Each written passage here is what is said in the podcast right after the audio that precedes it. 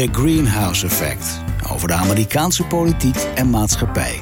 Ik ben Victor Chevalier. Samen met Charles Groenhuizen is dit dus The Greenhouse Effect.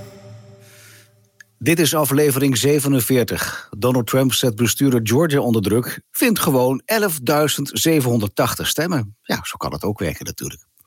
In de staat Georgia worden de laatste twee senaatzetels verdeeld. En voor aankomend president Biden is het cruciaal dat beide democratische kandidaten winnen. Verder is Nancy Pelosi herkozen als voorzitter. En uh, ja, de Republikeinen blijven allerlei dingen doen met rechtszaken. Um, Louis Gohmert in de staat Texas wilde van, via de rechter afdwingen dat vicepresident Mike Pence zich zou moeten inspannen om president Trump uit te roepen tot winnaar van de verkiezingen. Maar ook deze zaak is afgewezen. Dit allemaal in de 47e aflevering van uh, The Greenhouse Effect met Mr. Greenhouse himself. Charles. Hallo daar. Hoe is het met Hallo. jou in het nieuwe jaar? Pretty good, thank you. How about yourself? Uh, pretty good too, thank you. um, maar er is weer het een en ander aan de hand, zo net voor het einde. Want, ja, uh, waar beginnen we? Beginnen we even met, met, met uh, Georgia. Hoe is de situatie daar nu met de twee senaatzetels? Ik heb slecht geslapen. Oh, want?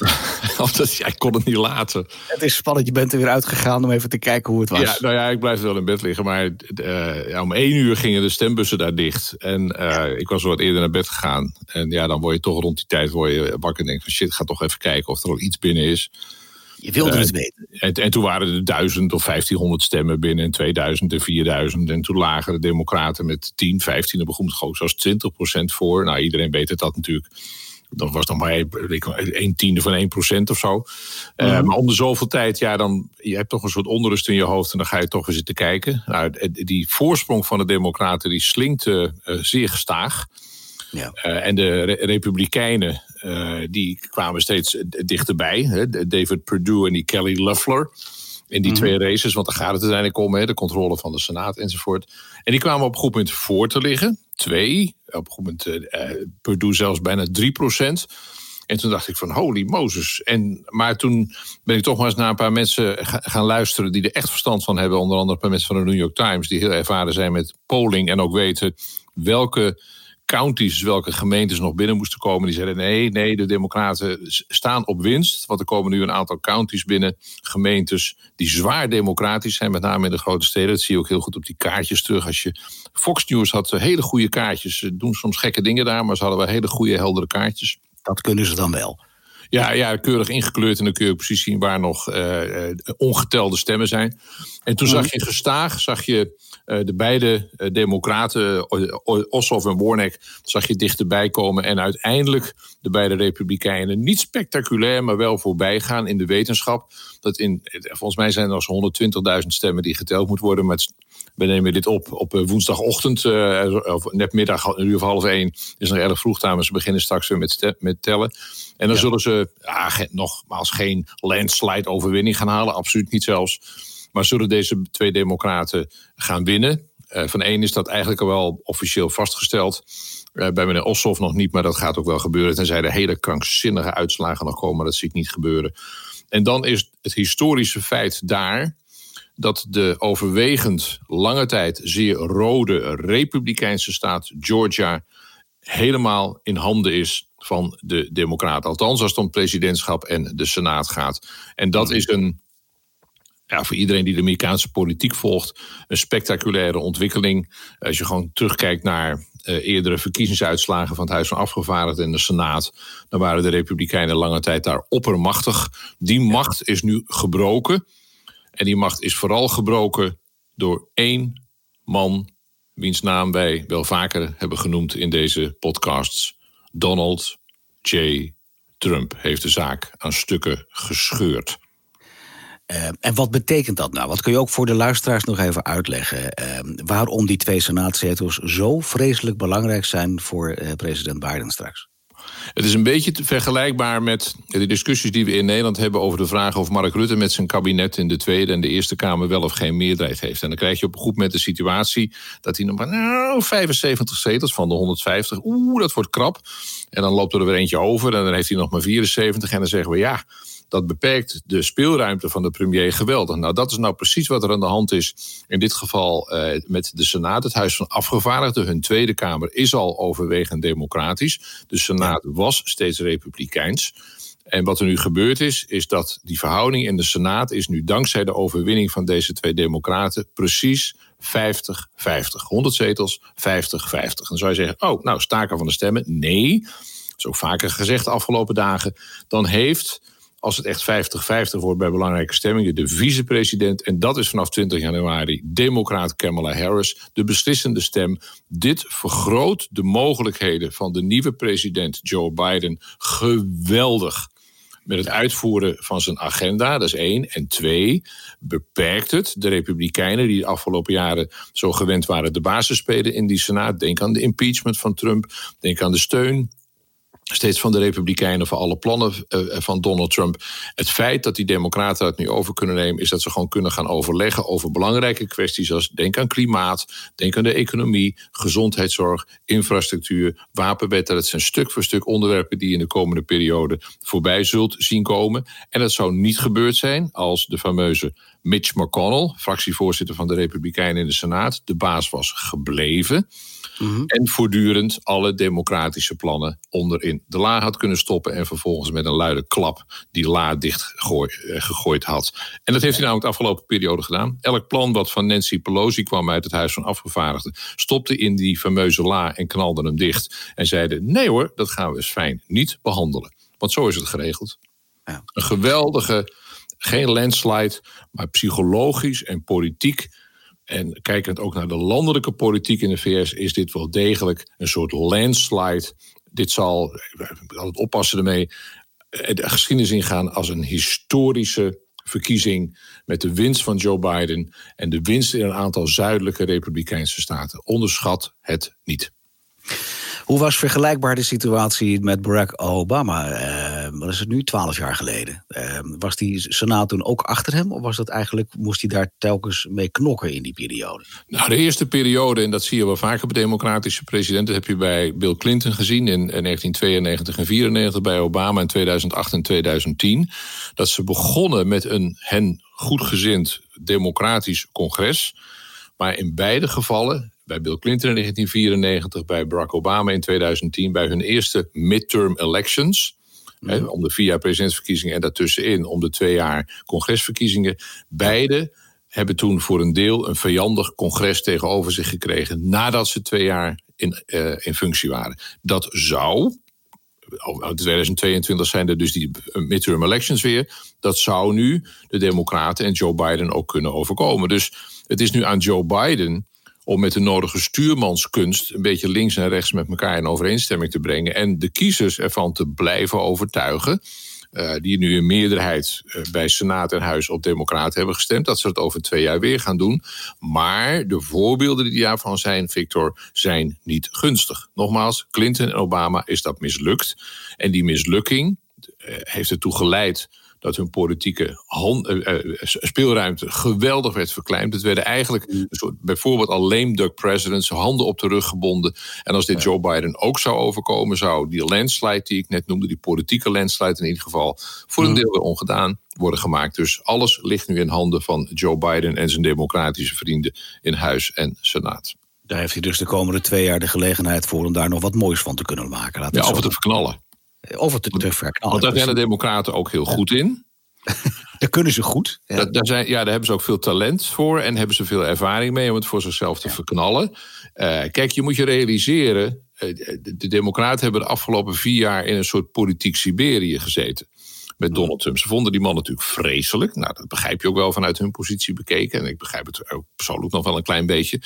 Uh, maar ze hadden gewoon niks in de melk te brokken. Impeachment is mislukt. Trump ging op alle vlakken ging zijn eigen gang. Via die executive orders als president deed hij allerlei dingen met immigratie en het bouwen van die muur en wat dan niet. Uh, de Democraten hebben eigenlijk een beetje van Jan Joker twee jaar, of eigenlijk vier jaar vanaf 2016 dat congres gezeten. Het is heel menselijk om op het moment dat de politieke pionnetjes worden verschoven te zeggen: Oeh, en nu zijn wij aan de beurt. En dat is een gevaar waar linkse politici wel vaker in, in trappen. Onder het motto: uh, ik had al lang gelijk, maar nu krijg ik ook gelijk. En dat gaat wel eens mis. Klinkt dat bekend? Zie je in Nederland ook nog wel eens. Dat er een soort linkse zelfoverschatting optreedt. Waarvan over twee jaar bij die fameuze midterm elections. de kiezers zeggen: dacht het niet.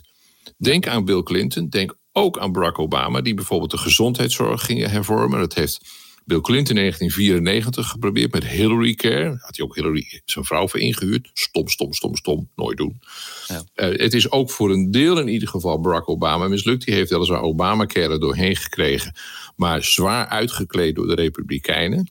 Mm Dus dat, die linkse idealen die op zich wel snapt. En die zitten er nu ook aan te komen. Denk aan, inderdaad aan, aan milieu, klimaat, uh, wapens enzovoort. Abortus niet te vergeten. Abortus wordt een groot onderwerp dan moeten ze heel erg oppassen dat ze niet in de val trappen dat die linkervleugel van de partij, met mensen als Alexandria Ocasio-Cortez, Bernie Sanders en anderen, dat die te veel smaakmakers worden binnen die democratische beweging en het te veel naar links trekken, waarvan dan over twee jaar een aantal kiezers zeggen van nou, dacht het niet. En dan krijg je de derde president, eh, democratische president, na Clinton en Obama en dan Biden, die na twee jaar tot de conclusie moeten komen. Het was leuk, het was mooi, het was hoopvol, maar het is niet gelukt. We zitten al helemaal te praten hoe het over twee jaar is. Maar ondertussen is uh, Trump afgelopen week weer in het nieuws gekomen over een telefoongesprek die hij heeft gehad uh, met de bestuurder van Georgia. Dat van nou, die moest maar gewoon even 11.780 stemmen verzinnen bijna. Ehm, daar vind je vast ook wel wat van. Ja, het is natuurlijk puur constitutioneel, grondwettelijk totaal krankzinnig. Dat het staatshoofd hij is staatshoofd, hij is, hij is premier. En, en, die functies heeft hij, maar hij is ook president, staatshoofd. Uh, en de verkiezing gaat over hem. Uh, dat die openlijk partijgenoten met belangrijke politieke functies, in dit geval in de staat Georgia, oproept, openlijk, nou ja, nu openlijk omdat het is uitgelekt, uh, om gewoon de wet te overtreden. En om verkiezingsfraude te plegen. Er zijn ook nogal wat democraten, en dat krijgt nog wel een staartje, die zeggen dit is gewoon een strafbaar feit. Voor, eh, binnen de wet van Georgia. En dat kan ook een eventueel pardon wat Donald Trump zichzelf zou kunnen geven, is dan niet van toepassing. Dat gaat over wetgeving in Georgia. Het is gewoon crimineel.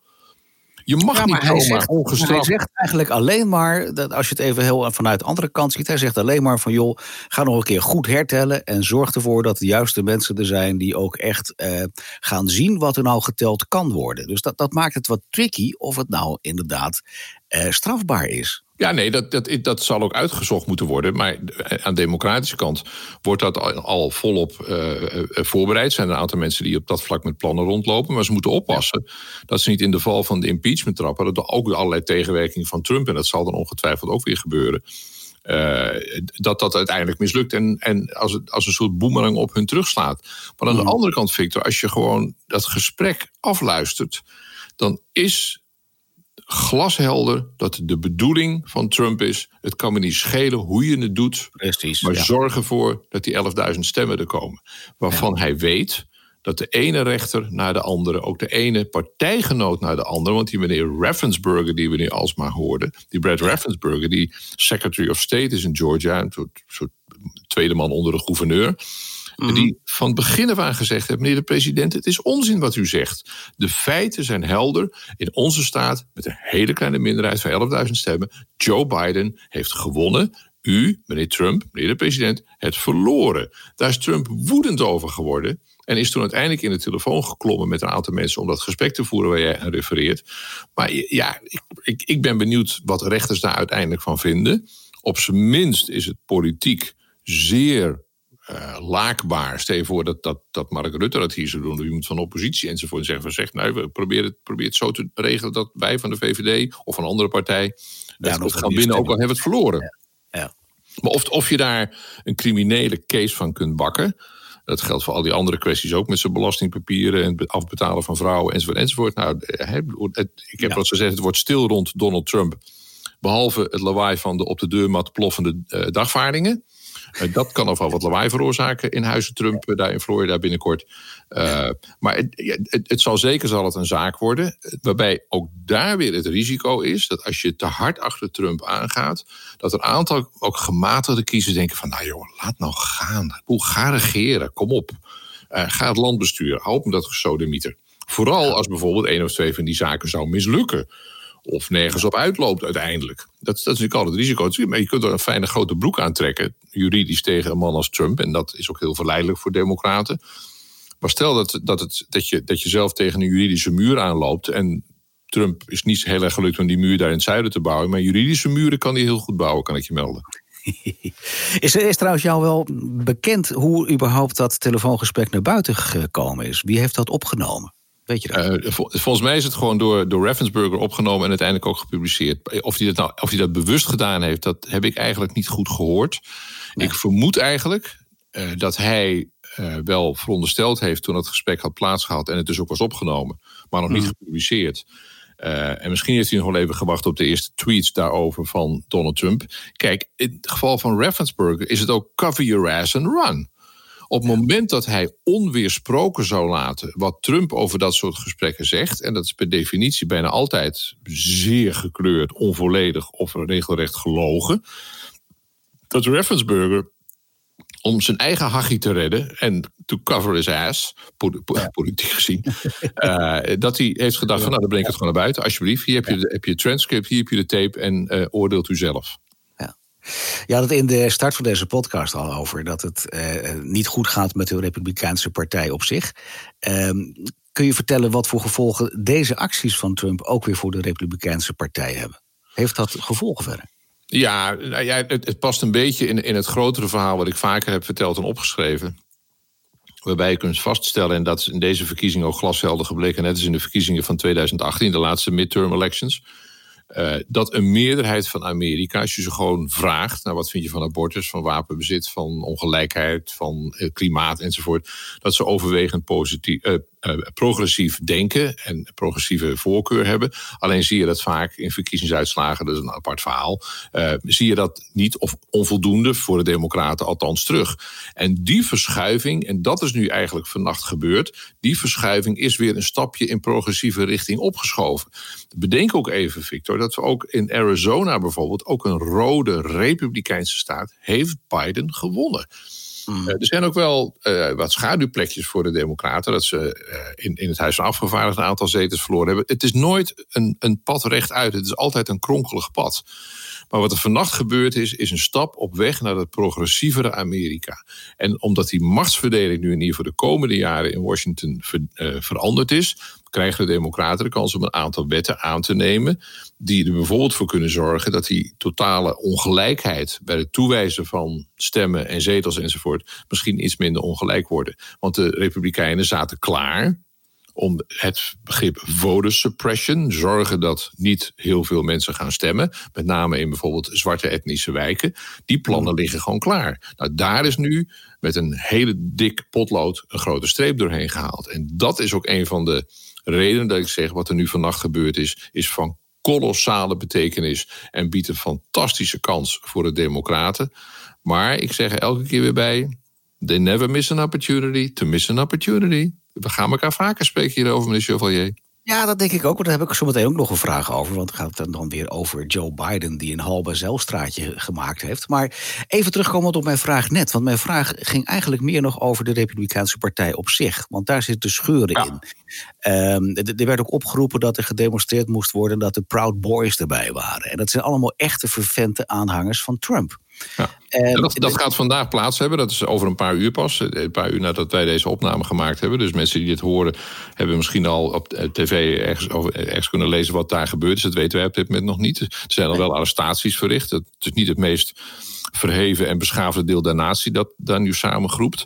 Maar voor de Republikeinse Partij uh, past dit ook, en daarom begon ik erover, in, in dat langere verhaal waarbij de Republikeinse Partij in de loop van de jaren is opgeschoven van een ouderwetse, ik zeg maar even heel simpel, VVD-achtige partij van ondernemers, mensen met geld. Uh, uh, en op een andere manier, zeg maar, conservatieve voorkeuren, is het opgeschoven naar een partij die voor een groot deel gesteund wordt door mensen aan de onderkant van de, economie. Lage inkomens, slecht, uh, slecht onderwijs, allerlei voorzieningen heel slecht. Waarvan je denkt van ja, maar waarom stem jij nou republikeins? Je zou op een linkse mm. partij moeten stemmen. Maar dat is dus niet gebeurd. Het is in toenemende mate, en Trump heeft dat geweldig opgejaagd een partij geworden van boze blanke mannen. Ik generaliseer, maar je hebt ook nog de golfclub Republicans en je hebt nou ja, allerlei en veel christenen. Maar goed, maar voor een aanzienlijk, de aanwas was voor een groot deel in die groep, de Archie Bunker coalitie hebben we het ook wel eens genoemd. En wat je nu ziet, en ik heb het ook steeds gezegd van dames en heren, let erop die coalitie waar de Republikeinen nu op gokken, scherp aan die rechterkant, het verwaarlozen van het midden, het verwaarlozen van gematigde kiezers, die coalitie slinkt daardoor en heeft in de Amerikaanse samenleving in afnemende mate aanhang en is eenvoudig een minderheidspartij aan het worden. En dat zie je ook terug als er niet al die voter suppression was en al die gekkigheid van Trump. De Republikeinen scoren gewoon vaak een minderheid van de stemmen, maar krijgen nog alles door alle gekkigheid een meerderheid van de zetels. Maar dat zegt niet iets over wat er in het land leeft, maar zegt hoe het politieke systeem uiteindelijk leidt tot politieke machtsverdeling. En op dat vlak is er dus afgelopen nacht, ik wil niet zeggen een ruk naar links, want daar moet je altijd geweldig mee oppassen, want daar krijg je achteraf spijt van. Maar is er wel een belangrijke stap in linkse, progressieve richting gezet, die nogmaals de Democraten de kans biedt om de machtspositie die ze zo lang hebben gehad in Washington, heel lang geleden, moet je 50, 60 jaar terug, ook in het congres, dat ze die positie heel langzaam een klein beetje terug kunnen winnen. Maar de, A, dat gevaar van zelfoverschatting, van we hadden al gelijk en nu krijgen we ook nog gelijk is er ook een verjonging in die partij nodig. Je noemde net al even Nancy Pelosi, achter in de 70. Uh, eh, en die wordt door bewonderd en gewaardeerd enzovoort. Maar ook die partij zal drastisch moeten verjongen. Meer Alexandria Ocasio-Cortez, minder Bernie Sanders en Nancy Pelosi en Chuck Schumer. Dus die wisseling van de wacht zul je ook terugzien. Bij de Republikeinen ook. Ik denk dat je ook bij de midterm elections nu in 2022, bij beide partijen, en Democraten en Republikeinen, veel van de oude garden zult zien vertrekken. En die worden vervangen door jongeren. En wat komt er dan bijvoorbeeld bij die Republikeinen terug? Zit daar echt nieuw talent? Hmm. Uh, ik heb Nikki